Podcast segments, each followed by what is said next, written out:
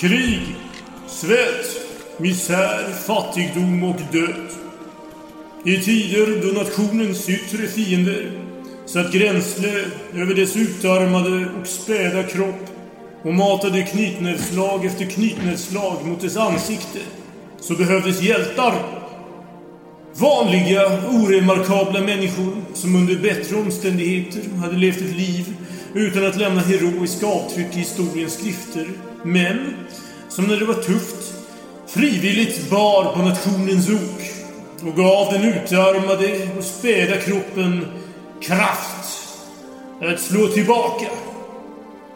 I Sverige 1718 lyste dessa hjältar med sin frånvaro. När ingen trädde fram så skrev istället två ädlingar av rikets mer framstående ätter fram längs med befruktningens allé och skänkte liv åt ett barn som, trots sin späda ålder, ständigt bar på en åldermans sinne och förnuft.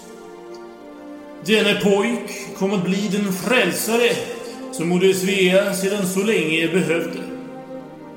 I en tid då monarkin var i spillror och korruptionen firade digra triumfer i riket blev han nationens trygghet.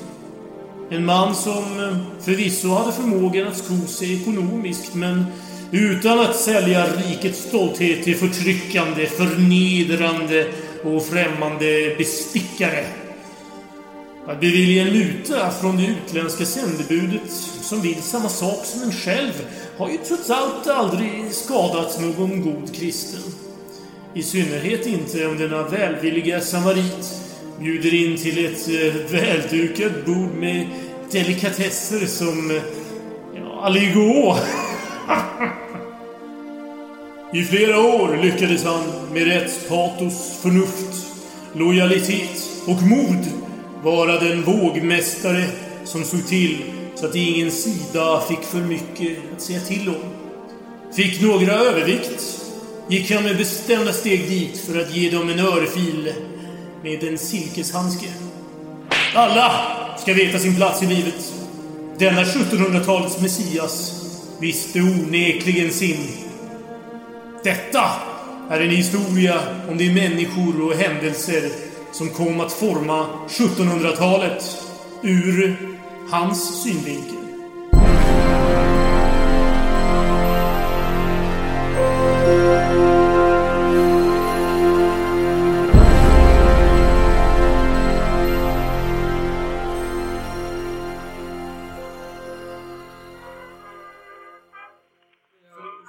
Franskan, det finns ju inget ord för billigt. Det, det finns, man kan bara säga att inte dyrt. Inte Så att det kanske är för fattigt eh, språk, språkbruk. att skriva på franska helt enkelt. Men att eh, Sverige, då räknar man öronen. Ja, det är småländska kulturen. Ja, jag tror det. Ja. Mitt konunganamn skall vara Karl den sextonde Gustav. We shall never surrender. Allen Zeiten nicht die Mehrheit! Kom inte med en sån jävla provocerande och aggressiv ton mot mig. Där har våldet triumferat. Ask not what your country can do for you.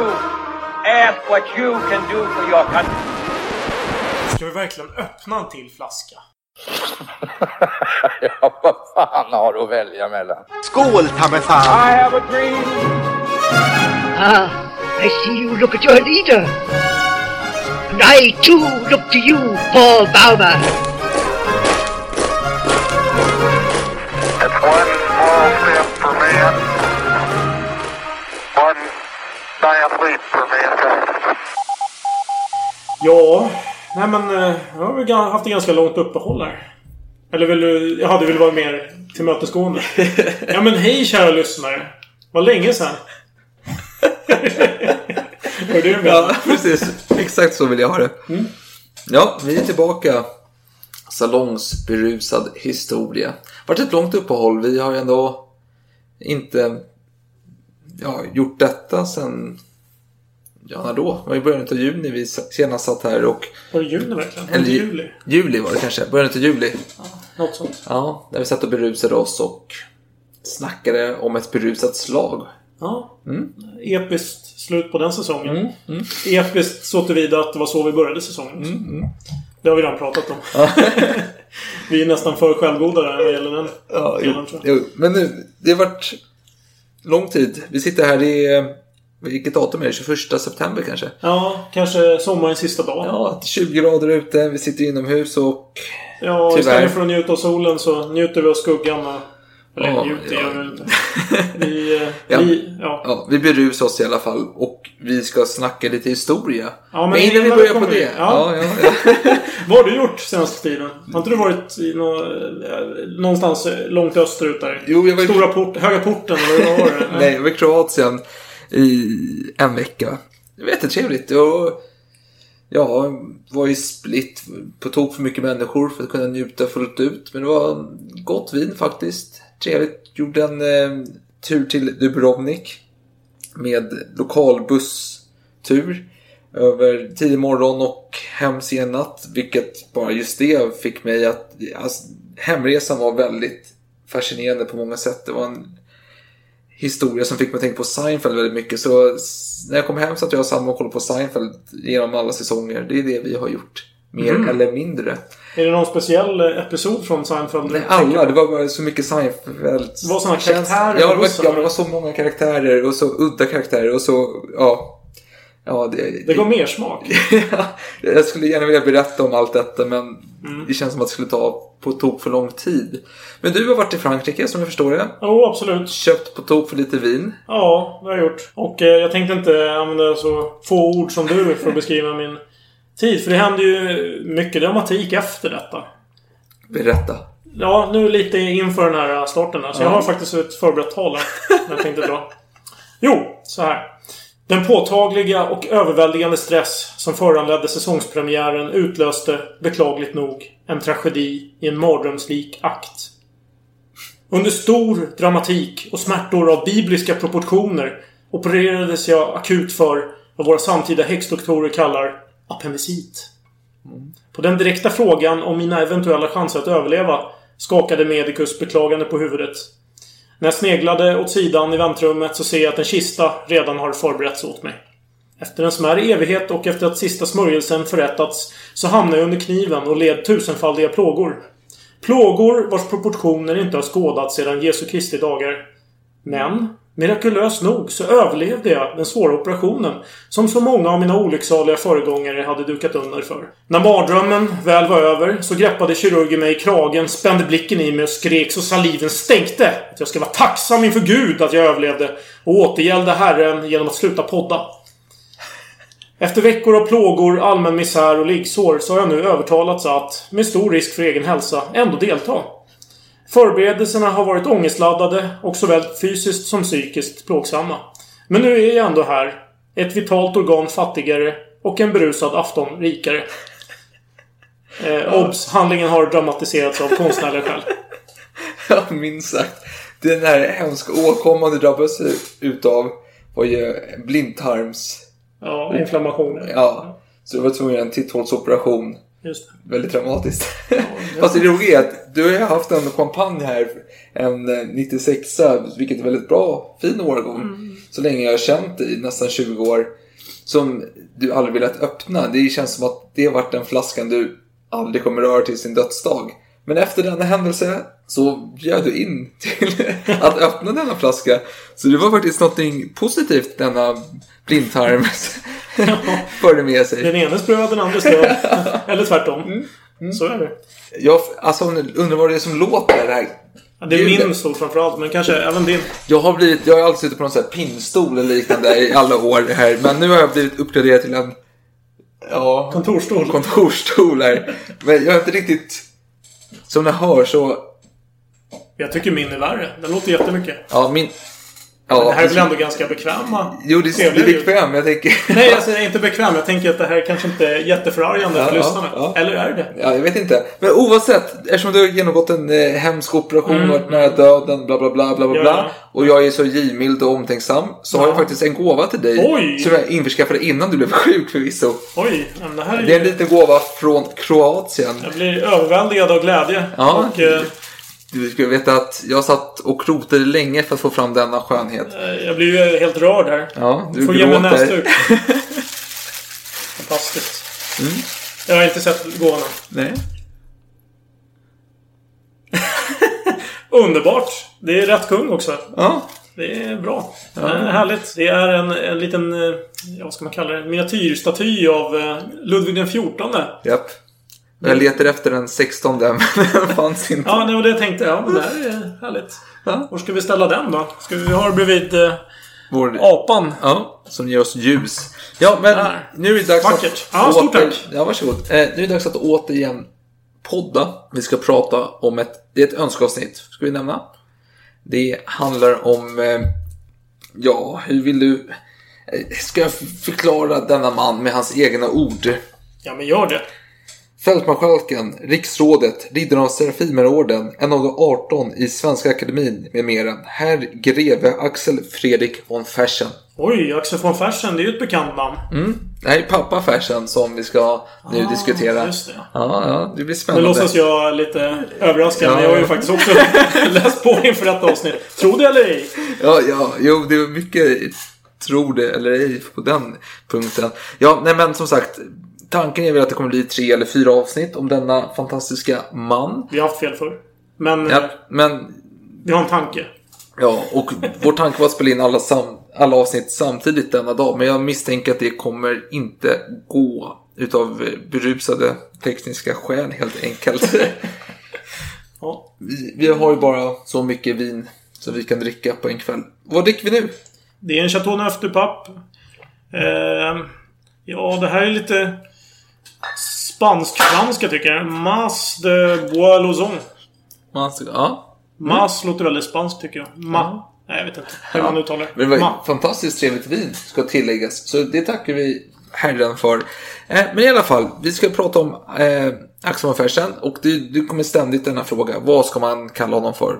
För vi har ju den yngre som är den stora hjälten i släktens stora man. Som alla känner till. Som, tänker man Fersen tänker man på denna unge greve som eh, förtrollade Marie Antoinette och försökte rädda henne och såg upp hela monarkin och bla bla bla bla bla. bla. Men vad ska vi... Hur ska vi hålla reda på detta? Eh, Vad ska vi kalla honom? Ska vi kalla honom för Fersen bara? Eller Fredrik Axel? Eller Axel Fersen? Eller den äldre? Eller pappa Fersen? Det finns många olika. jag tycker de två naturliga är väl Fersen eller pappa Fersen.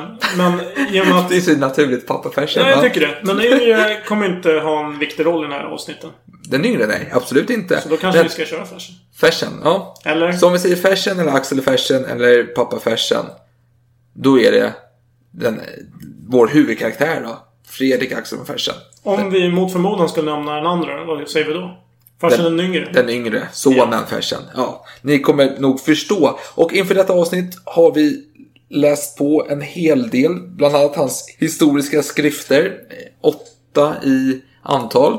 Eh, Dessutom har ju en modern historiker vid namn Göran Norrby skrivit två böcker. Dels en om Fersiska huset och en om... eh, Huset från Fersens uppgång och fall. Ja, och sen dessutom om eh, vad säger man, Maktens rivaler heter boken som handlar om frihetstiden och rivaliteten mellan drottning Lovisa Ulrika och eh, kungen Gustav III och Fersen och eh, Peklin då, mm. kungamördaren. Sen har jag svävat ut lite för jag blev uttråkad av pappa Fersen. Så jag läste om Katarina den stora och Gustav III. Som inte kommer nämnas i den här delen. Det här Nej, avsnittet. Men nej. det kommer senare. Men, men, men låt oss börja prata om denna fantastiska mans öde och liv. Och jag kan bara glädja er allihopa. Ta fram almanackan.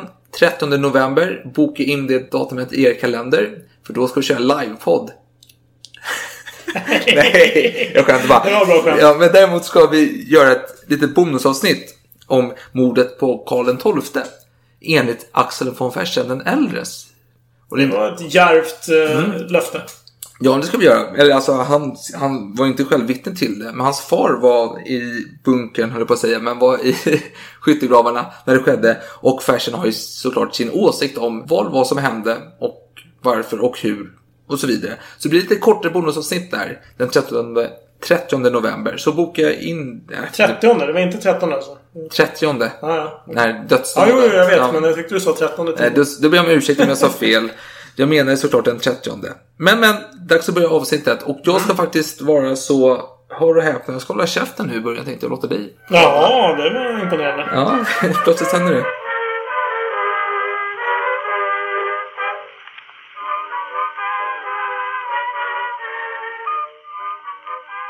Året är 1719.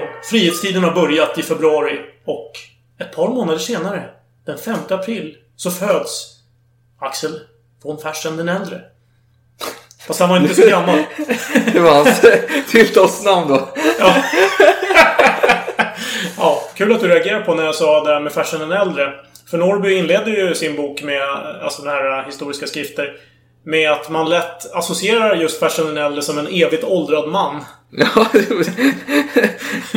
det, gör man ju faktiskt. Nu är vi 1720. Eh, Jag tycker att värt att nämna här, för nu kör vi allting kronologiskt, det är ju att eh, om det är några stora händelser i Europa så är de värda att nämna med åtminstone en mening. Ja. Eh, Och just nu då, 1720, då avträdde Sverige besittningar i Pommern till Preussen som en följd av det här stora nordiska kriget. Som slutade med Karl XIIs olycksaliga öde. Ja, kriget slutade inte då, men hans liv slutade då. ja, jo. ja. Har du något mer att säga där? du Nej, stopp? jag har inget mer Okej, då kan jag hoppa in då. Vi har ju en riksdag 1720. Och situationen i Sverige.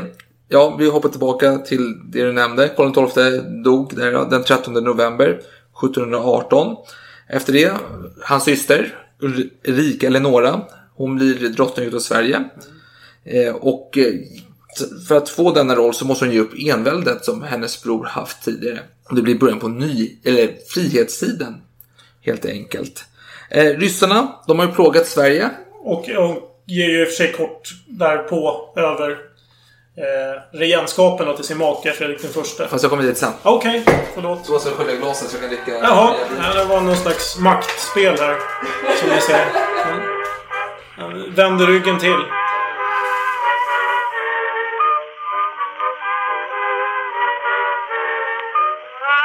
In några minuter på avsnittet har vi druckit upp den första flaskan och påbörjat den andra flaskan. Det är en... Ja, vad heter den? Eh, Probus. Det är väl latin misstänker jag. Den... Det här är en flaska du har tagit med dig. Så det är du som vet mer om denna än vad jag gör. Jag vet inte skit om den. Ett Jota. Nej, jag vet bara att jag har haft den hemma och jag har velat dricka den varje helg. Men tyvärr hade jag i en svag stund i mitt liv lovat dig att du skulle få smaka denna. Så jag har inte kunnat dricka den. Eh, förrän nu. Ja, i alla fall. Ja, 1720, riksdagen i Sverige. Lite bakgrundskoll innan. Mm. Karl XII har blivit skjuten, dödad. Vem vet? Han är död i alla fall. Efter det har hans syster Ja, dödad blev han. Det är... Ja, jo, jo, jo, men blev han mördad rättare sagt? Eller Just blev han dödad? Mm. Det är olika. Det tvistar om lärdamer helt enkelt. Och även de olärda. Ja, Minst sagt. Men hans syster Ulrika Eleonora blir drottning av Sverige. För att bli det måste hon ge upp den envälde som hennes bror har haft. Ryssarna. För att få tillräckligt stöd Ja, helt enkelt. Ja. Precis. Kriget fortfarande igång. Ryssarna plågar den svenska kusten. Och eh, dess, eh, de åker in och eh, ja, ödelägger flera hamnstäder. Ja, skärgården och härjar. Ja, ja, det är Sätter upp brutalt. en massa grillar och grejer. Och gör. Precis. Och det kallas för rysshärjningarna. Under riksdagen 1720 i alla fall så ska man avhandla fredsförhandlingar, en förändrad regeringsform som innefattar en utökad frihet samt att drottning Ulrika Leonora som hon har ju adlat en massa människor för att få lite stöd. Då. Jag tror det var över 100 pers hon adlade under kort tid, vilket är rekord för en regent i Sverige. Eh, hon ville nu, eh, ja, hon ville ha stöd att hon och hennes man Fredrik av Hessen som var generalissimo under Karl XIIs tid skulle få dela på regentskapet. Fredrik av Hessen, han är en man med många Ja, jag höll på att säga, jag höll på att säga styrkor, men det blev inte men, men han, eh, han, detta var ingenting han kunde tänka sig att eh, Han, han var en... eh, Ja, nej. Han var inte progressiv lagd. Nej, nej, han var inte mycket överhuvudtaget höll jag på att säga. Eh, men, utom en jävla kåtbock. Men det var många som var kåtbockar. jo, jo, men jo, jo, så var det. Men han vill inte dela på regentskapet och eh, folket vill inte. Det blev en stor debatt om detta. Och till slut fick eh, Ulrika Eleonora ge med sig och hon skrev ett brev då hon sa upp eh, tronen och gav den till sin man istället. Då.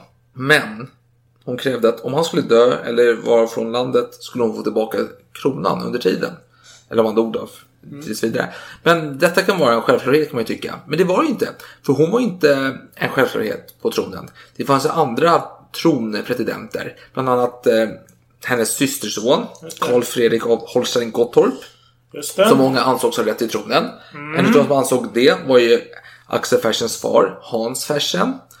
Och Axel Fersen skrev följande. Och nu lägger alltså, ja, Fersen är inte jättegammal när han skriver detta, men vi... Vi låtsas att han är det. Vi låtsas det, bara för lite mer Han har en dramatik. evigt åldrad röst kan man säga. Ja. Under, del eh, under deliberationen bland ridderskapet och adeln utlät sig att rikets historia nog vittnade om de olyckor Sverige övergått genom små tyska riksfurster som blivit kallade till svenska tronen och att han ej kunde styrka till hennes majestäts drottningens avsägelse att han nu och alltid höll frådigast att bibehålla tronen konungafamiljens descendenter framför främmande tyska prinsar. Och det, detta sa då alltså papp, eh, Axel Fersens far, Hans Fersen, till... Han sa det då. Farfar Fersen. Sa det rakt ut. Och Fredrik, eh, som då var prinsen utav Hessen, eh, som skulle bli kung då. Han blev för ivrad. Att, då- och då säger Fersen så här då. Han blev så förivrad att han sände till min fader, general Koskull och generaladjutant Rosen att fordra honom till envigeskamp. Min fader svarade att han såsom militär var pliktigt lyda rikets generalissimo och att det vore redo så snart han fingo order om dag, timme och ställe. Men det var en duell då alltså? Han Ja, blev utmanad till duell, som jag förstår det.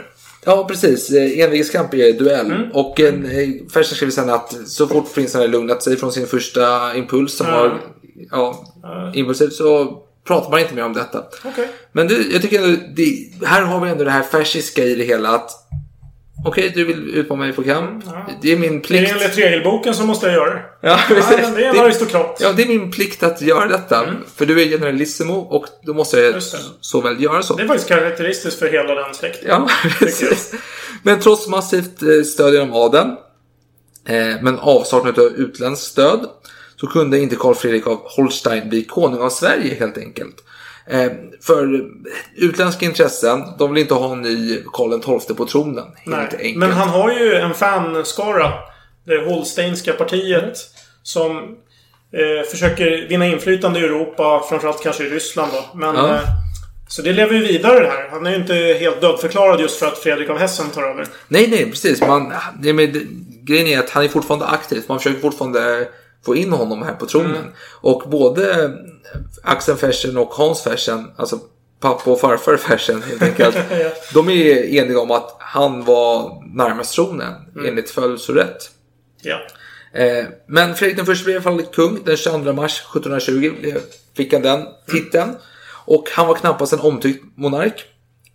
Eh, vid riksdagen tre år senare, då Sverige hade fått eh, fred med danskarna och ryssarna, tyckte Fredrik att det var dags att slänga ut den nya regeringsformen från eh, 1720 ur fönstret. Han tänkte att bort med den här frihetsskiten, nu går vi tillbaka till en klassisk svensk monarki. Som man ville ha det liksom. Eh, men han hade få anhängare, så det hela var illa utfört och gick inte igenom. Och då skriver Fersen detta.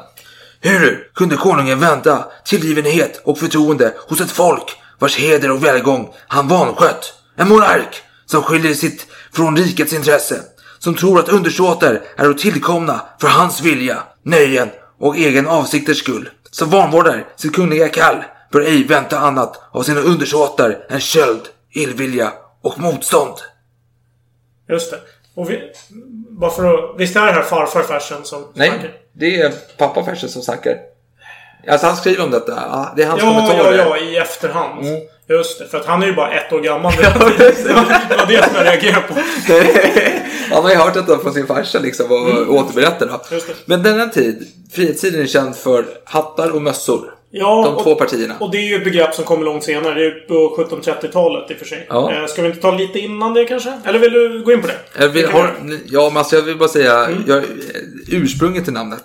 Och det var ju egentligen två partier. Nationella partiet och H-partiet. H-partiet kunde prata stort. De var eller så här, med, i Fredriks eh, ko- konung Fredrik den förstas eh, närvaro var så här, men vi ska göra allting för att du ska bli eh, envåldshärskare liksom. Vi gör allting för dig. Pratade stort och lovade mycket. Men när det var skarpt läge förlorade det ständigt mot det nationella partiet. Så en gång när detta skedde så blev Fredrik lite trött på det hela och sade Wenn die Herren mit mir reden so sind sie große Leute und haben Herz wie Löwen. Wenn's aber zum Streiten kommt, so sind sie wach wie Nachtmützen. Just det, de är som... Eh, som, de har som lejonhjärtan när, när kungen är där. Eller något så här. Ja. Och annars är de som råttor eller möss Ja. eller något. Eller hur var det så? Nå- någonting sånt va? Ja, precis. När herrarna pratar med mig är ni stora människor med hjärtan som lejon och eh, när det gäller striderna är ni lika mjuka som nattmössor. Nattmössor, okej. Ja. Detta citat spred sig då. då. Och eh, eh, bröderna Gyllenborg som var enligt versen den förnämsta, konstigaste, driftigaste partisyssloman som bland riksens ständer uppväxt gav H-partiet namnet Nattmössor och Nationella partiet tog namnet Hatten som eh, kontrast till detta då. Och Fersen skriver följande. Denna denomination utbredde sig så hastigt och med så mycket framgång att allnäst för rubrikens skull föll en otalig mängd till Hattpartiet. All ungdom, ja, ända till större delen av fruntimmer ansåg nesligt att bära namn av nattmössor. Fascinerande att, att det var därifrån det kom. Att det är H-partier. Det, det är intressant. Jag har ju då Göran eh, Norrbys eh, förklaring om det här. Han menar att Hattpartiet uppstod ur spillrorna från det gamla Holsteinska partiet. Som upphörde att existera efter att Karl Fredriks svärmor Katarina den första av Ryssland dog. Eh, och därmed hans hopp om inflytande egentligen. Över Europa. Han hade redan förlorat eh, tronföljden. Liksom. Ja. Och hattarna kan sägas vara, enligt Norrby, progressiva, företagsvänliga och som den nationella återhämtningens revanschistiska parti. Min tolkning, ja, liberaler med lite inslag av Sverigedemokrater. Mössorna, deras huvudmotståndare, var, återigen enligt Norrby, mer konservativa, inriktade på fredlig verksamhet och som förespråkare för jordbrukets intressen. Min tolkning, ja, kristdemokrater med inslag av Centerpartiet. Ja, okej. ja, ja, det... Så hur, hur kan vi slå ihop de här två bilderna? Du säger hovpartiet, det blir mössorna. Det är alltså... Nu ska vi se, vad sa vi om mössorna? De är... Ja, lite KD, lite C. ja, jo, Ja, det, kanske det. konservativ håla. Jo, men, nej, men eh, kungamakten har alltid haft ett bra förhållande med bönderna. Man har alltid använt bönderna eh, Jo, men- mot Jo, adeln. jo men vi kan tänka så här tror jag att eh, H-partiet är, de var ju för Fredrik den förste som då var hovet, Ulrika Eleonora. Hattpartierna var ju för Holstein, alltså Karl Fredrik, Karl XIIs brorson. Nej, systerson menar jag. Sen, sen får man ju tänka att det, det kommer utvecklas då. Mot 1750-talet kommer det ju bli väldigt mycket tydligare att det är utländska intressen som kommer styra de här olika grupperingarna. Ja, jo, precis. det kommer vi till. Ja, ja, men precis. För detta är en väldigt korrupt tid i svensk historia. Vi har ju på den här tiden riksdag och det kan pågå otroligt lång tid. Flera månader kan det vara. Alla har ju inte råd att eh, sitta på en riksdag i flera månader i sträck och betala för sig. Man får ju inget betalt för det. Nej. Inte som adelsman i alla fall. Nej, nej, nej. Det får ju de lägre klasserna va? Ja, jag tror Eh, att de bönderna. tillsammans bekostar sina representanter. Precis. Men däremot kan du skicka fullmakter för att de får stå och gå i ditt ställe. Och du kan även ta emot mutor mer eller mindre för att vara med på riksdagen hela tiden. Om du röstar rätt och så vidare. Och så vidare. Och eh, om vi ska hårdra det hela så har vi ju fransmännen. De är alltid sugna på hattar. Ja, ryssar gillar ju mössor. ja, vi har ryssmössa, franska hattar, ryska mössor. Ja, men det är ju, säger sig Okej, själv. det är din eh, logiska slutsats. Min eh, hamsterhjärna har slagit till igen. Jo, nej men om man ska vara krass så är det väl något sånt. Mm. Men eh, nu, liksom, nu pratar vi om framtiden lite också. Ja, ja, ja. Vi återkommer till det. Det här är ändå den tidiga Ja, perioden. precis. Eh, och vad gjorde Fersen under tiden? Ja, alltså om vi, 1732 till exempel, då var han kammarherre vid Kungliga hovet. Ja. 33, då var han student vid Uppsala universitet. 34 var han student vid Lunds universitet. Mm. Så han var ingen eh, framträdande person den här tiden. Nej, men sen åkte han ju utomlands också för att få lära sig militärska yrket. Den stora resan. Bildningsresan. Ja, vad kallas det? Du har någon. Grand Tour. Grand Tour. Just det. Precis. Nu när farsen här har pluggat och gått på såna här partyn och allt vad han kan ha gjort där under sin studietid. Så har han nu faktiskt börjat bli seriös. Och 1737 så inledde han sin militära karriär i Livgardet till häst. Som volontär. Ja. Jag har inte så mycket mer att säga om det. Mer än att han blev befordrad året därpå till korpral. Ja. Och eh, nu tycker jag vi kan prata lite om 1740. För då händer en väldigt viktig sak. Eh, Karl VI, Habsburgsk kejsare, dör. Och det här innebär att det österrikiska tronföljdskriget påbörjas. Ja. Och det kommer avslutas åtta år senare utan några dramatiska resultat egentligen. eh, Kul att kriga. Vill du ha lite mer vin förresten? ja, tack gärna. Ja, ja. Fortsätt. Jo, eh, som en konsekvens av det här lite senare så påbörjas eh, hattarnas ryska krig. Men vad som föranleder det här österrikiska tronföljdsskriget är att Karls dotter Maria Theresias arv bestrids nu från hela Europa egentligen. Från alla håll och kanter. Alla vill ha en del av kakan. Ja. Och ryssarna de ställer sig på Maria Theresias sida och tycker att hon, nej, hon ska få det här arvet som eh, ändå var utlovat. Och så många gånger förr så försöker Storbritannien att säkra en slags maktbalans i Europa. De vill inte ha någon som är alldeles för stark och så. Det här är min tolkning. Genom att ställa sig på Maria Theresias sida. Tillsammans med några så här lilleputtstater. Ja. Och på andra sidan, då har du ju mäktiga Frankrike. Lett av eh, Ludvig XV, Solkungens barnbarnsbarn. Den här gången har jag kollat upp det. Eh, och Spanien, Filip V. Han var ju Solkungens barnbarn. Och Preussens Fredrik II, det vill säga... Nu ska vi se så jag säger rätt här. Nu Lovisa Ulrikas eh, bror. Fredrik. Den store. Ja. Fredrik den store. Ja. Och så Sverige som, eh, som eh, allierad då till Frankrike. Lovisa Ulrika kommer in i bilden senare. Ja, Ja. jo, så är det. Hon är inte med i historien än. Nej, Hon kommer bli framtida svensk drottning. Ja, precis. Det är bra att du säger det. Det blir väldigt förvirrande med alla Lovisa ja jo, Ulrika hit och dit. Ja. Ja, jo. Men okej, så oj, nu är det storkrig helt plötsligt. Det är nästan som ett världskrig. Och vad gör Fersen? ja, som en adelsman, aristokrat. En man med ett stort hjärta. Han har ju en allierad här. Han är i Frankrike. Fast han har ju ett stort hjärta. Ja, men det är skit. okej, du, jag antar att du har någon slags ordvits på gång här. så jag låter Nej, nej, nej. nej. Ja, absolut. Nej, okej. Nej, men här, han tjänstgör som kapten vid Royal Alsace. Låter lite som Royal något, eh, Ja, Ja, regementet, regementet som Fersen den yngre eh, köpte senare. Just det, och det här är ett tyskt regemente i fransk tjänst. Som kan låta väldigt Som huset Fersen var med. Alltså det är en lång historia. Vi tar den en annan gång. Jag, jag Okej. den. Men det, det finns en koppling till Royal Suédois och dess uppkomst med huset Fersen. Jag förstår. Men Royal Alsace, hade du något mer om det? Nej, nej, det skiter jag fullständigt i. Det är jag pratar om här. Okej, men Fersen han är då adjutant hos hertig de Boufflé som är någon eh, hög militär då. Boufflé. Boufflé. Boufflé. Boufflé. Bra namn. Ja, uppskattar Boufflé är något hertigdöme då. Ja. Skitsamma. Eh, så att Boufflé. Fersen var faktiskt med vid stormningen av Prag, till exempel. Som en del av det här kriget. Ja, det är kul att somma i Prag. Får Karlsbron. härlig eh, bärs, tänkte jag säga. Pilsner. Ja. ja, det kanske var senare va? Ja, Under 1800-talet. Va? Som pilsner. Jo, men jag tänker mer att man får vara på Karlsbron och Ja, Karlsbron Sankt. Vitus-katedralen och slottet. Det är inte så Och... dumt. Det är inte så Det dumt. är trevligt.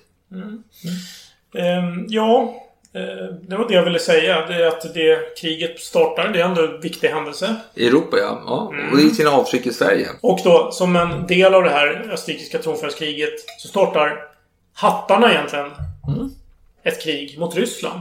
Hattarnas ryska krig. Ja, det är kul att kriga. Ja, och det här är ju framhetsat av Frankrike som är nära allierad och som betalar subsidier till hattpartiet. Och målet med det här kriget det är att utlösa en statskupp i Ryssland och avsätta den dåvarande tsarinnan för att förhoppningsvis beröva Maria Theresia en allierad. För som jag tidigare nämnde så stod ju Ryssland på eh, Österrikes sida i det här tronföljdskriget. Ja. Och Maria Theresia är alltså Maria Antoinettes mamma.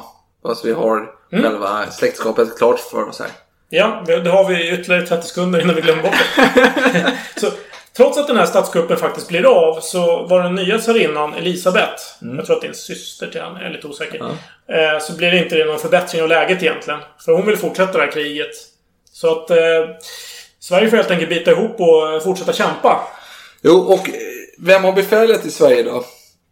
Ja, är det inte Charles Emil Levenhaupt den äldre? Precis. Och Henrik Magnus von Buddenbrock. Jag, tänk, jag kommer att tänka på det här 30-kamp. här. Det- Vad hette han?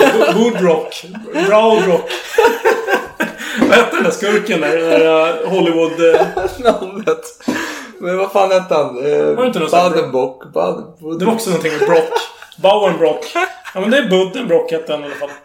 Eh, och eh, von Buddenbrock, han var ju faktiskt veteran från slaget vid Poltava. Mm. Och det var det jag tidigare åsyftade då när jag sa att även de här gamla Ja, veteranerna jo, precis. kunde göra fel. Fel. Ja, och eh, Fersen kommentarer om det hela med Levenhaupt var att han fick skulden för misslyckandet. Och För det Fersen, blev ett misslyckande. Ja, jo absolut. Och Fersen erkände ju själv att Levenhaupt gjorde många misstag. Men att eh, moralen var inte den högsta bland de här människorna, eh, soldaterna. Det var dålig moral och man ville inte kriga. Man var ganska klena av sig i psyket. Men mitt i allt detta, den 24 november 1741, ja då drabbas drottning Ulrika utav koppsmittan och dog därav då.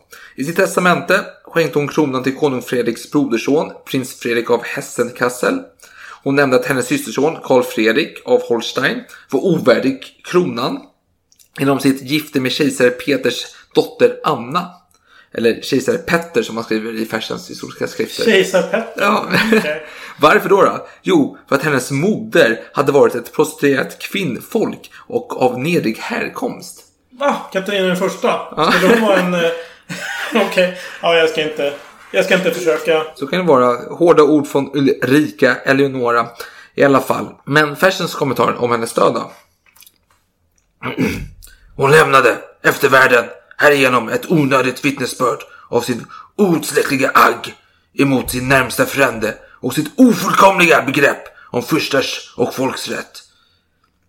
Och hennes penningtillgångar skänktes så, såklart i hennes anda till fattiga och till kyrkan. Då. Och först så kommenterade det hela. Präster och fattiga änkor saknade henne mycket och fällde tårar vid hennes skrift. Konung Fredriks bedrövelse var måttlig och fann han sin tröst hos fröken Taube. Och fröken Taube var då hans älskarinna sedan flera år. En kvinna som Fersen tyckte var väldigt behaglig att titta på. Fersen yngre eller Fersen Den äldre. Okej. Jag förstår. Men Fersen fortsätter i alla fall att kommentera. Eh, Men Fersen och Taube sa ju lite historik där. Du har ju... Är inte den Jo. systern till Fersen den yngre eh, vill ju gifta sig med en det var. Ja, Och så blev han giftasmördad där av eh, Ja, Engström. Ja, som jag kommer att återkomma till. ja, i, i Berlin då. Ja. Jo, jo, jo, Det är enligt rykten. Ja, jo, men även Gustav IV trodde på det. Men skitsamma. Eh, Taube och Fersen hörde ihop, det har du helt rätt i. Men i alla fall, eh, Fersen den äldre, eh, han fortsätter kommentera Ulrikas död så här. Ehuru svenska nationen är utmärkt av tillgivenhet för sin överhet var hon dock kallsinnig över drottning Ulrikas död. Äh, utom Guds fruktan och ett sedermätt levnadslopp ägde hon ingen kunglig egenskap och på den korta tid hon styrde gjorde hon riket genom sina svagheter mer ont än någon konung från monarkins början. Med henne slöts den faltiska ättens på Sveriges tron. Och detta innebar ju helt enkelt att den svenska tronföljdsfrågan blev mer aktuell än någonsin. Men alla ständer undvek att tala om detta så länge det gick. För detta var ju en het potatis. Helt enkelt. Man, man avvaktade sina välgörares vilja och pengatransaktioner helt enkelt innan man tog ställning. Eller? Mycket möjligt. Ja, men nu kanske vi kommer in på detta med mutor.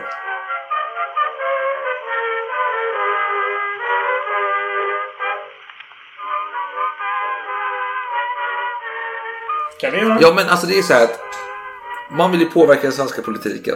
Det finns flera intressen. Vi har fransmännen främst och ryssarna främst. Men även danskarna kommer in. De har extrema summor som vill spendera på Sverige för att få sin sak igenom. Så har vi engelsmännen också som är lite mer passiva men de försöker ändå bidra. Men man kan räkna med att fransmän och engelsmän är på varsin sida. Det kan man Ja, och man kan räkna på att ryssar och fransmän är på varsin sida. Fransmän försöker... Jo, men alltså fr- jo. fransmännen har ju det hattarna som sitt parti för det mesta. Mm. Eh, Ryssarna har ju hattarna på sitt parti för det mesta. Vad sa du? Ryssarna har mössorna? Ja, ja precis. Men även gå över till hattarna senare.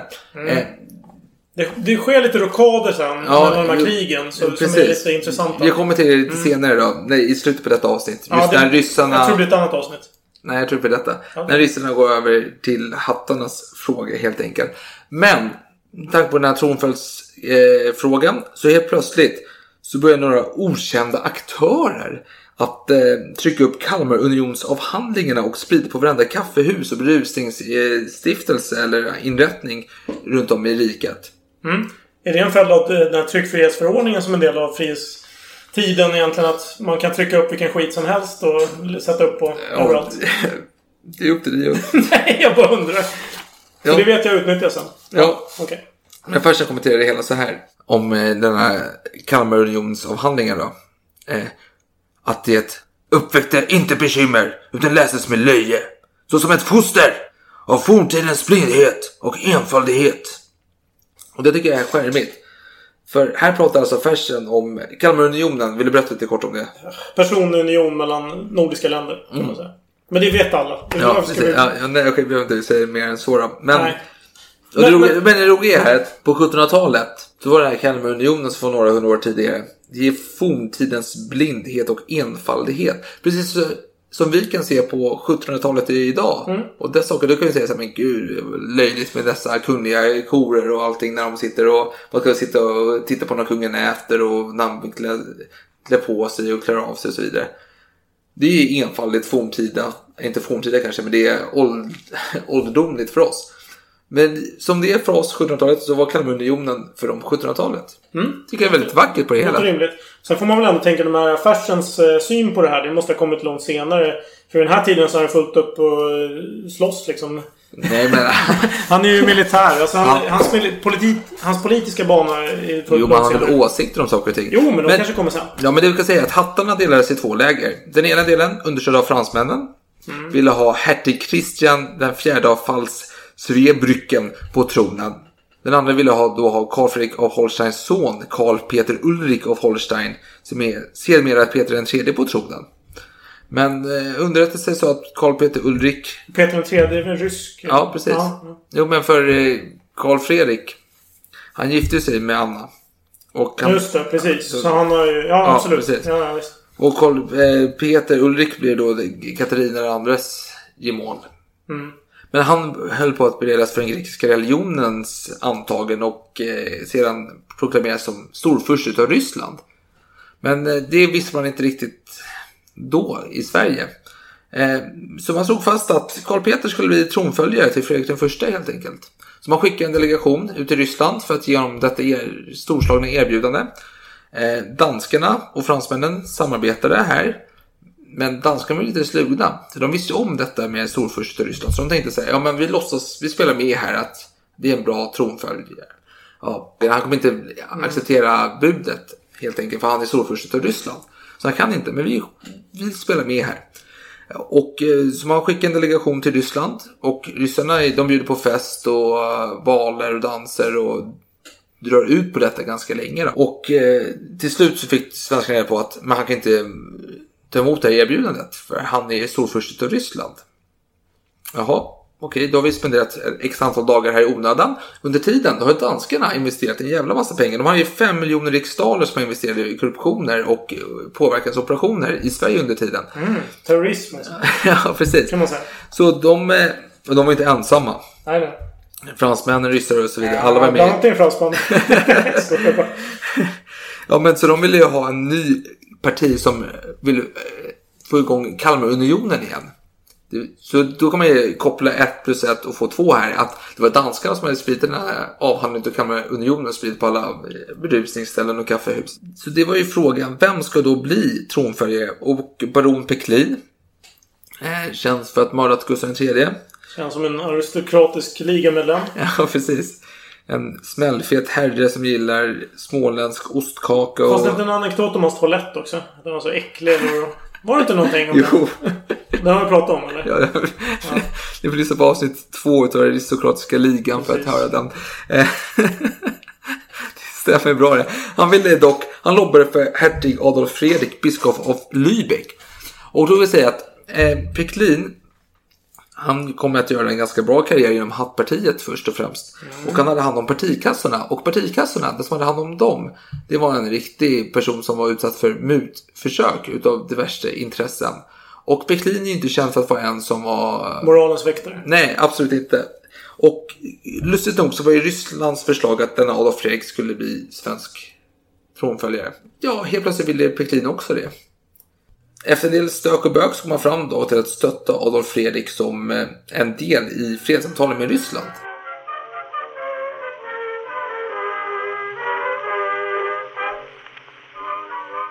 Men jag tänkte hoppa in på det här med att dalbasarna är väldigt missnöjda nu med det här hattarnas ryska krig.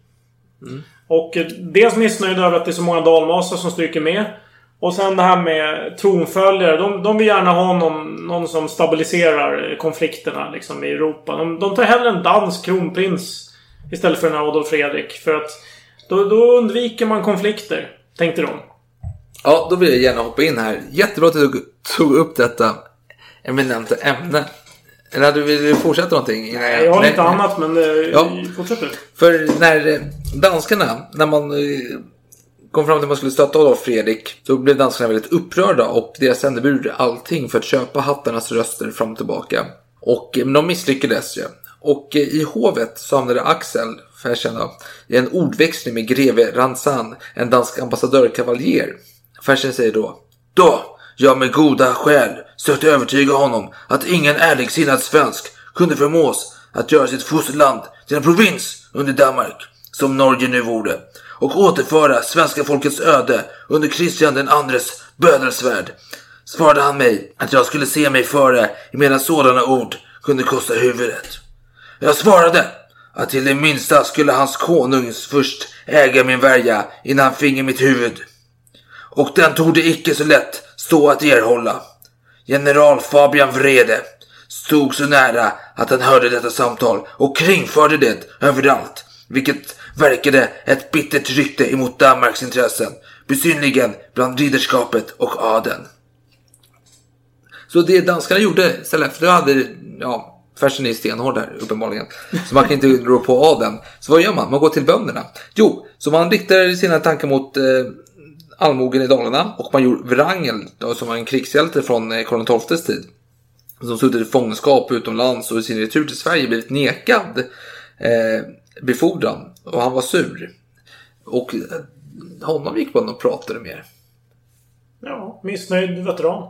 Men mer om det lite senare, för det finska kriget pågår. Och ett, Finska kriget. Ja, det är det Fersen kallar hattarnas Hattarnas ryska krig. Ja, men det är bra att du förtydligar för det hade jag inte riktigt koll på. Ja, och som Fersen säger, frihetens missbruk yppade sig då officerare av gardet sa huvudmän för sina ätter vägrade lyda kommenderingens order. Dessa hade enligt färsen, ut i munnen, liv och blod för fäderneslandet integrerat med oanständigheter att undgå fäderneslandets försvar. Det vill säga att de pratar stort och brett men de kan inte göra det i aktion helt enkelt. Och Fersen som var korpral vid livdrabanterna för tiden. En, Det utnämndes han till eh, 11 februari samma år, Ja. 43. en tjänst som enligt han själv inte innebar direkt mycket militärisk eh, vikt. Nej, men det motsvarar ändå överste i den övriga armén. Ja. Men Lidrabantkåren lite högre stående Ja. ja, men så han ville, han ansökte om som volontär följa med överste Marks expedition till Åland. Överste Mark, sa du det? Ja. Jag kommunist alltså. Ja, när han skulle till Åland och spöa ryssar helt enkelt. Eh, och kungen beviljade ansökan med stor nåd och sade Det är sällsynt exempel i dessa tider av odjur. Det hedrar min son, jag skulle inte glömma det. Ja, sa han. För man, eh, ja, Fredrik var ju väldigt van med klena adelsofficerer helt enkelt. Då kommer Fersen här, en hjältesman, en man med heder, courage. Ja, ja, absolut. Ja. Och eh, Fersen ska nu åka till Åland. Men dagen före avfärd blir det lite stök. Det är så här att officerare och knekter vill inte åka till Finland. Eh, den armén som redan var därs öde hade avskräckt dessa karlars mod. Och eh, kungen skickade sina generaladjutanter som med fina ord och formuleringar försökte så här, förmå dem att kom igen, vi drar dit i bra stämning. Där, så här, fan, bra salt fisk liksom. Ja, ni vet. Ni, ni Bra brännvin. Ja, ni vet grejen liksom.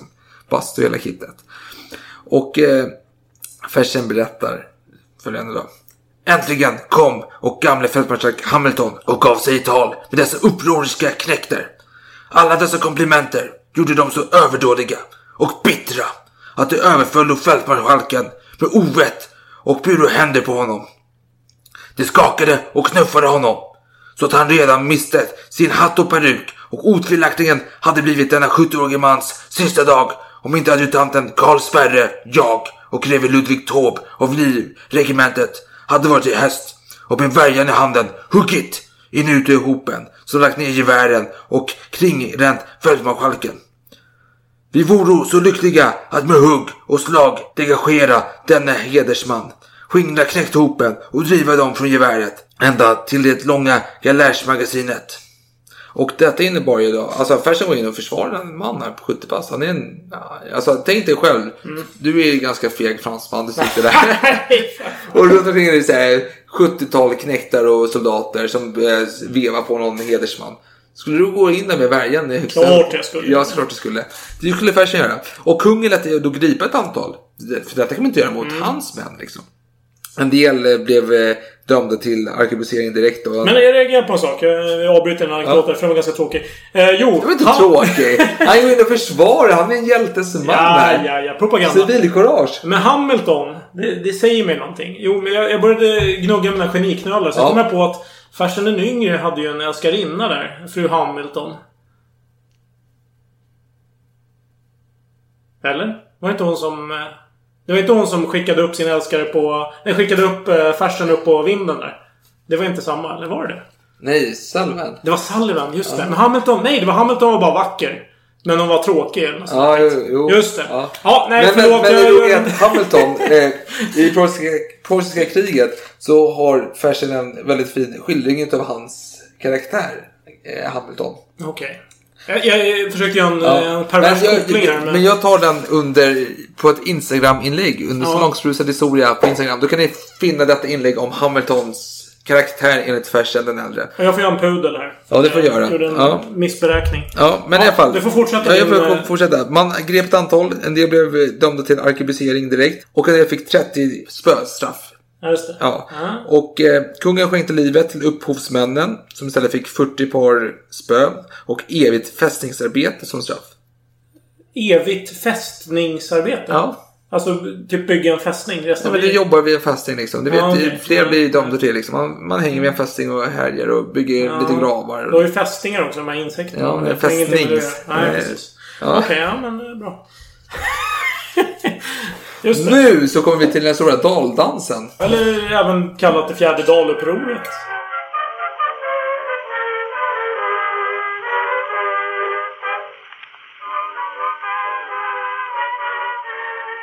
Och varför sker det? Kan man fråga sig. Då Ja. svarar jag på det. Så får du komplettera här om du behöver det. Dalmasarna, de var missnöjda med föregående års krig, ryska krig. Det i och för sig fortsätter väl ända fram till 43 tror jag. Men skitsamma. De vill utse en tronföljare. För de är inte nöjda med nuvarande tankar där kring Adolf Fredrik. För han kommer ju inte skapa fred i Europa. Nej. Utan här vill man ha en dansk kronprins istället. För då blir det lugn och reda. Och det var inte bara det man var missnöjd med tronföljaren. Det var även så att eh, Hattregeringen hade helt plötsligt förbjudit dem att köpa varor i Norge. Ja. Man var ju van vid att köpa Norge. Man bara köpt det schysst. Alltså det är ju som tvärtom förhållande. Norge var det fattiga landet, Sverige var det rika. Nu är det tvärtom. Nu går norrmännen över till Sverige, svenska gränsen och köper Ja. snus och vad fan det är. Eh, till eh, billiga priser. Ja, men precis. Här var det tvärtom. Så, nej, gemene man blir lite missnöjda. Men inte bara det. Det har ju varit missväxtår 1742. Så här är ju man hungrig. Och så har du härliga eh, korvar här i Norge och en massa... Eh, fan, bratwurst och skit. Det var de kända för, sina korvar. Ja. Norska korvar. Ja, ja, okej. Norsk leverpastej. Och man, man ser det i skyltfönstret, man får inte köpa det. Man blir ju helt vansinnig. Jo, men då kommer ju Fersen in här med sin kloka åsikt om att det är danskarna som pungar in pengar här för att uppvigla dessa dalkarlar. Kan vara så. Men det ska sägas att det här eh, dalupproret det dröjer lite grann. Alltså hela vintern här har man knutit nävarna i fickan, känns det som. Det var ju först 30 maj som det började käbblas på riktigt. Får man säga. Ja, jo, men jag tror det är kanske lite mer logistik bakom varför man väntar. Men i alla fall, or- oroligheter börjar sprida sig upp i Dalarna som sagt. Och hattarna vill ju skicka upp folk och eh, skjuta folk. Alltså, men inte skjuta, men man vill eh, få ordning på... Kuva dem. Kuva dem. Men eh, så fort... Alltså, man säger så här, hattarna och mössorna. Mössorna var i majoritet under den här tiden. Det är lite som Frankrike och England. Det England vill är Frankrike emot och vice versa. Och samma sak var det med hattar och mössor. Det hattarna ville var mössorna emot. Så mössorna var ju såhär, nej, nej, nej, nej. Varför det? För de hade ju majoritet i sekreta utskottet. Vill du berätta lite om sekreta utskottet snabbt? Mm. Eh, ja, det var väl ett hu- hundratal medlemmar varav hälften var adelsmän. Och de hade väl eh, den egentliga makten på något sätt. Alltså det var en eh, sammanslagning av regering och eh, riksdag, som jag förstått det. Ja, man kan säga att det är de som faktiskt bestämde någonting under frihetstiden. Ja, de hade hand om de viktiga frågorna, utrikespolitik, inrikespolitik och så vidare. Men i alla fall, den 8 juni samlades Dalarmogen i Falun och tog landshövdingen till fånga. Hela Dalaregementet ingick i denna hop som var beväpnad med skjutgevär, spjut, spikklubbor och så vidare. Och anföraren var major Wrangel av Dalaregementet. Samma man som danskarna hade uppmuntrat här. Han som hade kommit tillbaka från fångenskap efter Karl XIIs krig och ej blivit befordrad som han ville, som var sur. Men han ville inte få ansiktet utåt, så en man vid namn Kedin utnämnde sig fältmarskalk för Dala-karlarna. då. Och de var ungefär 9 till 10 000 i antalet enligt Fersen. Oj, det var många. Mina uppgifter säger 4500. Ja, men det är Fersens uppgifter. Det är 9 till 10 000. Okej. Ja, eh, och det är detta som är intressant. Det- Detta är hans, de uppgifter han hade på den här tiden. Så därför jag tycker det är kul att nämna dem som, utan att tillrättalägga dem. Eh, och de ville då att Fredrik, konung Fredrik skulle avgå och att danska kronprinsen skulle bli ny kung. Och vi skulle göra gemensam aktion mot, med Danmark då, mot ryssarna. Och eh, dalkarlarna närmade sig Stockholm. Och Fersen som tjänstgjorde som korporal vid eh, drabanterna, konungens förmak. Eh, konungen ville träffa Fersen. Fersen kom in till konungens rum där han låg i sin säng. Man kunde inte somna. Klockan var två på natten. Han var orolig. Och han bad Fersen, du rid ut lite och kolla läget liksom. Rekognosera lite området. Och Fersen red. Han red, han red, han kan rida, han är bra på många sätt och vis. Och han mötte motståndarna. Och han frågade var deras högkvarter låg och fick svaret att den var vid Järva krog utanför Stockholm. Och eh, han ställde sig där i bra kulle, fick överblick och såg att det var fan många män alltså. De sträckte sig ända bort hela Barkarbyvägen då. Kunde han, var det människor så långt han kunde se. Och Fersen återvände konungen. Fersen berättade vad han sett för konungen. Och eh, nu har konungen gått upp från sängen. Han ligger inte kvar där och jäser. Utan han går upp här och var iklädd stövlar och sporrar och sa att han ville rida ut och träffa dessa dalkarlar. Som en rådig man gör på denna tid. Så klockan 04.00 red konungen med Fersen och ett fåtal andra män ut mot dalkarlarna. Fersen blev ombedd att rida före för att förvarna dessa bönder och be dem göra halt och för att konungen ville tala med dem. Fersen kan ju rida som ingen annan man kan och mötte dem vid Solna kyrka. Han kände inte till deras fältmarskalk Kedin vid namn eller utseende än innan. Men han kunde se att han kunde urskilja honom trots allt för att han var den enda som var till häst och hade bojarklädsel och en stor värja på sidan. Samt så hade han en adjutant som också var till häst men inte lika bra klädd då uppenbarligen. Fersen red fram till dem och ropade Stå! Konungen kommer! Och de blev så chockade. Bara, konungen, vad fan händer här liksom? Eh, och de undrar så här, vad är, vad är han? Vad är han? Och eh, Sjödin, den här fältmarskalken för dalkarlarna, han talar med sin adjutant. Men då han eh, pratade på daladialekt skulle inte Fersen förstå vad han sa. och och det ska nämnas också att Fersen, många år senare när Gustav III är regent och fyller år så är hertig Karl konungens bror gör lite festligheter för konungen då. Bland annat har han lite dalkarlar som uppträder. Då beskriver Fersen dem som vildar. Ja, det är intressant. Men vad sa de? Järva krog? Som jag förstått så skulle de samlas vid Gustav Adolfs torg. Jag blir när jag kommer in till stan. Det här är utanför stan för guds Okej, skull. de ja. eh, förkampar lite. ja, ja, de är på väg här vet du. All right. Ja, i alla fall. De, men Fersen stod och pratade ett tag med lite så här artigheter. Så vad fint ni har era män under kontroll. De är artiga, de är trevliga. Allt, ja, ni, ni har gjort ett bra jobb här liksom. Eh, men så såg han konungen komma då. Och Fersen bad adjutanterna följa med Fersen till häst för att möta konungen. De red tillsammans. Och då berättade Fersen följande. Han red med mig. Men när vi vore några steg ridne bad jag honom att stiga av hästen. Emedan det vore mot respekten att rida konungen till mötes. Han avsteg genast och gav hästen till sin adjutant. Jag presenterade honom för konungen som tilltalade honom nådigt för den goda ordning han hållit med sitt folk under marschen. Och konungen bad om tillstånd för att se hela din här liksom, för att rida runt här och titta lite. Ja, visst får du det. Och mitt ute här när han kollade så mötte han Wrangel. Och Wrangel är en adelsman. Han hälsar på konungen. Men konungen ignorerar honom helt totalt då. För han är en förrädare. Det finns ju många Wrangels här. Ja, jo, jo. Det är en, en Wrangel. en, en utav Wrangel. Eh, I alla fall. Och eh, konungen red till färsen och bad honom samla hela bondegeneralhopen och leda dem till slottet. Man kunde snacka lite och han, konungen sa också att ni, hela jävla hopen, ska få lite förnödenheter. Det är helt okej. Ja, jag skickar allting. Och så åkte man in till stanen och konungen pratade med vakten vid tullarna och sa så här att du skjut inte någonting här liksom. Inga saker. Lugn. Och han bara, men jag måste kunna försvara mig. Och han bara, kungen, ja men du är hetsig i temperamentet. Jag vet att ditt huvud är, det klarar inte av sånt här. Så lyd min order nu liksom. Ja, ja. Så gick man in och snackade lite och ville veta kraven. Vad har ni för krav egentligen? Vad är det ni vill? Varför har ni samlats här utanför vår huvudstad med massa spikklubbor och gevär? Det, kan man, det är en rimlig en fråga. rimlig fråga, ja. Ja. Och då sa de då att, eh, ja, att de inte ville ha freden med Ryssland och att de inte ville ha Adolf Fredrik som Så du kronprins. vill inte ha freden med Ryssland? Nej, enligt Fersen så var det så. Det går helt... eh, Okej. Ja, det går helt emot det som vi ja, har. men det är Fersens eh, Ja, ja, ja, underrättelse. Okej, fashion. Ja, jag vill Ja. bara påpeka det. Ja, ja, det är jättebra. Det men det, det skär sig lite här. Men det är så Fersen uppfattar det hela. Eh, de vill inte ha Adolf Fredrik som kronprins. Sverige hade aldrig haft en biskop. Och skulle aldrig få en biskop som konung, enligt dem, dalkarlarna. Efter mötet lovade konungen att dessa bönder då skulle få lite förfriskningar och tält och så här, ta det lugnt. Lite. Ja, men, lite, ja jo, men de var lite ohövliga tyckte man. De var inte alls så artiga som man hade kunnat förvänta sig utav svenskar.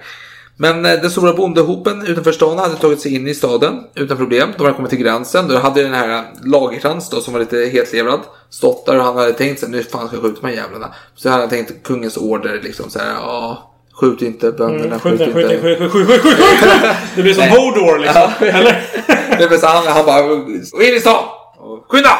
Jag vill inte se er! Jävla bönder.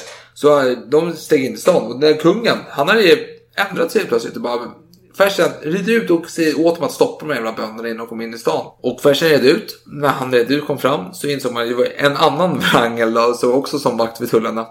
Och då, nej, det gick inte. Det var för sent. Bönderna har kommit in i stan. De kom in i Norrmalm. De har beslagtagit hela eh, Norrmalm. Vilket är nuvarande Gustav Adolfs torg då. Som du var inne på där. De har tagit eh, hus hit och dit. Ja. Och Fersen är tillbaka. Han inser att det är för sent. Han är tillbaka till slottet. Det är tomt. Kungen står nästan ensam. Han är övergiven. Han som är en man. Kapten de La- Laval i sin förmak. Och Fersen skriver följande. Förmodligen var detta den första och sista gången någon rädsla fått inrymme uti denna käcke monarks hjärta. Hans ansikte var förändrat och hans händer darrade. Han sade till mig. Min Gud, var är du då alla människor? Hava nu alla övergivit mig. Sorglig scen, uppenbarligen. Men kungen bad Fersen rida till Wrangel. En annan eh, Wrangel då. Wrangel. Nej, det är andra Wrangel. Ja, ja, den- Eh, som, eh, skydd- Wrangel. Ja, precis. Och bad honom påskynda gardets uppkomst. Men eh, trots detta, det är orolig stämning i stan. Adelsmän, borgare, de flyr. Det fanns inga båtar kvar i stan överhuvudtaget. Alla hade bara piu, åkt iväg. Feg adel, med andra ord. Mm. Men, Fersen skriver följande. Denna dag var den sällsyntaste och obegripligaste jag upplevat. Konung Fredriks krona stod i fara, tillika med hans person. Han vågade den utan försvar, mitt ute i fyrens hop, men vågade inte förstöra sina fiender när han det kunde. Dessa åter kom att sätta en dansk konung på svenska tronen, då de för 200 år sedan vågat allt för att avskruda danska oket. Kristian II, tyrann. Ja, precis. Och här, här spelar ju Fersen på eh, hur Vasa hade använt dalkarlarna för att ta bort den här tyrann. Men nu så vill de återinföra denna tyranniska danska skitstövel på svenska tronen. Hemskt. Ja, en annan Christian då. uppenbarligen. Så gammal var han inte. så uppenbarligen. Men rådet sammanträder med konungen. Ber honom ta till allvarsammaste steg som nödiga vore ut i närvarande stund till rikets fredande och ordningens återställande. Med andra ord, give them hell. Ja, och kon- konungen svarar då. Så går det mina herrar, när fara är, då ropas på mig, men dessemellan ropas allnästast på regeringsformen. Och den är inte poäng, kan jag tycka. Helt plötsligt så är han så jävla viktig. När han får skit hela tiden innan. Ja, men planen planerades på att man skulle attackera dessa bönder till dalkarlar. En morgon medan kungen fortfarande sov. Så Fersen, han var vaken, klockan var sex på morgonen. Han behövde sitt kaffe. Var får man kaffe? I kaffehuset vid Riddarhustorget såklart. Så han gick dit, skulle dricka sin kopp kaffe och han mötte Wrangel, den onda Wrangel. Landsförrädaren Wrangel rättare sagt. Och eh, Wrangel var där i full un- uniform och eh, vapen och gevär och hela jävla kittet. Och Fersen, han är en trevlig kille, social jävel. Så han bjöd honom på kaffe och likör. Bra kombo. Ja, ja. veck alltså. Ja, och, och han ifrågasatte så var Wrangel inte inställde sig till konungens sida nu liksom. Vad, vad gör du liksom? Jag fattar inte. Och Wrangel svarade, det kan jag inte. Ty jag har lovat dalkarlarna att ej övergiva dem. Var lite ja, klen så här. Men Fersen ifrågasatte detta och tyckte att Wrangel kunde bemöda sig i alla fall att gå träffa konungen vid hans kor då liksom. Alltså officiella spisning liksom. Och Wrangel, han är ändå hedersman så han bara, ja jo jag kommer klockan 11 på förmiddagen. Och Wrangel kom och blev nådigt behandlad av konungen denna gång. Eh, det snackar gamla krigsminnen, de båda har ju ändå tjänstgjort under Karl XIIs krig. Medan detta pågick planerade man för attack mot dalkarlarna då. Och eh, sen skrev Fersen. Alla hade fått order att de rycka emot Malmen på samma timma och intaga deras anvista poster klockan ett eftermiddagen. Samt med små dechamenter söka avskära bönderna och ut i detalj desarmera dem. Man hade en bra plan här. Och eh, man vill, allt var planerat, men för att undvika blodgjutelse så enligt färsen hade har väl någon klenmodig övertalat konungen att med denna stund man skulle rycka in med soldaterna kungöra med trumslag för dalkarlarna att de hade klockan fem på sig att dra åt helvete innan man skulle agera mot dem. Så istället för att attackera dem så vill man ge dem lite tidsrymd och veta. Man har ju spelat instrument och... Ja, precis. Boom, boom, boom. Dra åt Stick, helvete. ifrån! Okej. Ja, precis. Och det blir lite klent tyckte Fersen då. Men eh, ja, i alla fall. När dalkarlarna hörde trumman så började de slå på sina trummor. Som man gör liksom. De ska ju säga Åh, fan du trummar, vi trummar också. Kör bra rytmer här liksom. Eh, Dubbelkagge, baskagge. Ja. ja. Och de skulle, de började formera sig. Men nu var de ju avskurna från varandra. De har ju varit inne i hela stan, Norrmalm, även Södermalm. Och då hade ju man lyckats spärra bort dem så de var avskurna från varandra. Men skitsamma. Eh, medan en dalkarl, han såg på trumman frisk. En riktigt såhär bondtrummis liksom som bara slår för kungen fosterland. Eller för den danska kungens fosterland. Eh, och då blev han överfallen utav en viss Sprängporten. Ja! Den gamla liraren. Så han hoppar på honom och eh, högg sönder trumman med sin värja. Ja. Fan, ja, han var ju... Är det dö sprängporten? Nej. Det är innan det. Det är- Det, här, är 40-talet. Ja, ja, inte ja. 70-talet. Skitsamma. Ja, ja, precis. Men han blev gripen i alla fall. Och drogs in i ett hus vid eh, Brunkeberg, vid eh, Jakobs kyrka. Fyra gånger upp drog man honom och sa att du är dömd till döden. Du får 30 minuter på dig att eh, sitta och ja, bli vän med Gud innan ditt huvud rullar av. Och han låstes in i ett rum. Och han satt i rummet. Vad gör man inne med ett rum? Man tittar genom fönstret. Fersen skriver följande. Han blev ute i rummet instängt och ensam lämnad. Till hans lycka marscherade ett regement kavalleri under fönstret. Han ropade till officerarna att låta sätta in värjorna och hoppade så lyckligt från fjärde våningen att han föll på en hästländ och kom oskadd undan. Ja, han låter som Zorro liksom. Hoppar ut och landar på en häst. Sorry bra ja, jag gillar det. Zorro. Sprängporten. Zorro. Ja, det är bra. Och eh, klockan närmade sig fem och eftersom man inte fick skjuta dalkarlarna som man ville så försökte man med ord övertala dem. Men dalkarlarna bara "Äh, vi vill inte ha er jävla nord. Håll käften din jävla adelsman. Vi skiter i dig din jävla konung. Fan vill ha dansken här på tronen. Och eh, till slut fick dalkarlarna nog liksom. Så de började skjuta lite mot allt som var blå, blåklätt liksom på torgen och gatorna. Och eh, man gav order om att skjuta dalkarlarna. Men då helt plötsligt soldaterna satte gevär vid fot och vägrade skjuta sina medbröder och landsmän. Och så nu blev det så här, vad fan ska vi göra nu då liksom? De här som är närmast, de vill inte skjuta någonting här. Så man måste ta andra regementen till plats och, och så vidare. I slottet satt dalregementets major Wrangel. Och eh, förlustade sig i, i olika njutningsmåltider och drycker. När man hörde första skottet från dalkarlarna. Och han ställde sig upp. Vad händer? Fan.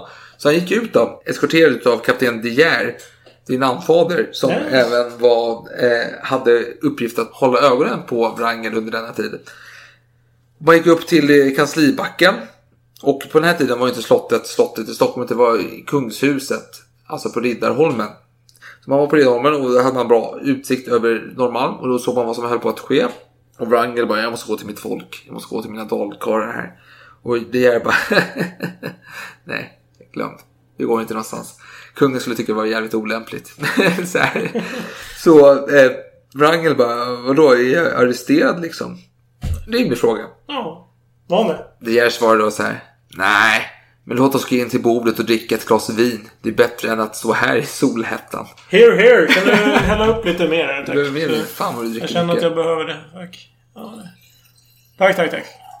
Ett långt Ja. avsnitt där. Ja, det blir det. Eh, och Fersen träffade då riksrådet Ader, Adlerfelt när allt detta skedde.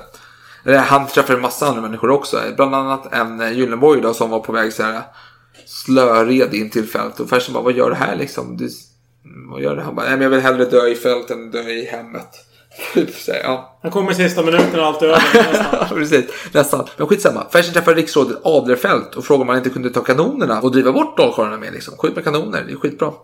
Jo, det var en bra idé. Och eh, den här Adlerfelt gav order att den officeret hämta kanoner, kom hit till torget och skjut. Och när han hade gett den här orden så blev han skjuten i ryggen. Och då sa han till Fersen. Jag är illa blesserad! Säg riksrådet Rosen att jag rider hem! Och tre dagar senare så dog han då utav skadorna. Vilket var ett jävligt tragiskt slut för den här man. Han har varit med i Karl den XIIs krig flera slag och aldrig blivit skadad. Men han dog nu här på hemmaplan Från en dalkorv. för en dalkarl. Vilket Fersen tyckte var väldigt konstigt. Och det var en plats man inte skulle behöva frukta skott eller krut. Det har du rätt i. Ja.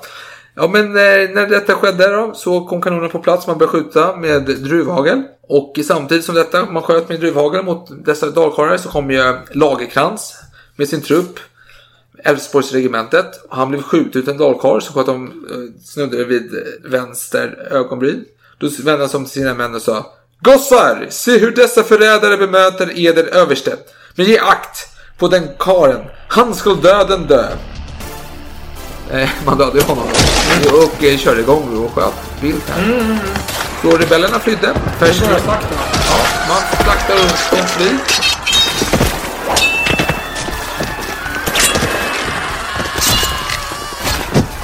Och eh, man red mot kungen med en rapport, Fersen då.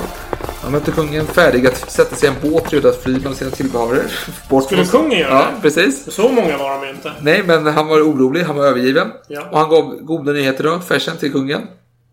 Och eh, kungen omfamnade honom och sa Ich danke in mein Son. Er hat weder gegessen noch getrunken es ist auch sehr warm. Lass er sich was Gutes geben. Jag kan inte tyska, men jag tolkar det som att du har gjort ett bra jobb. Drick och ät vad fan du vill. Ja. Ja, typ. Det, det låter tillräckligt bra. ja. Och där avslutar vi första delen av Fersen den förstas liv, på att säga. Ja, och det är kanske är minst intressanta delen. Så det finns ju mycket att se fram emot. Eller? ja, ja. Eller vad säger ja, du? Ja, men tack för oss. Ja, tack.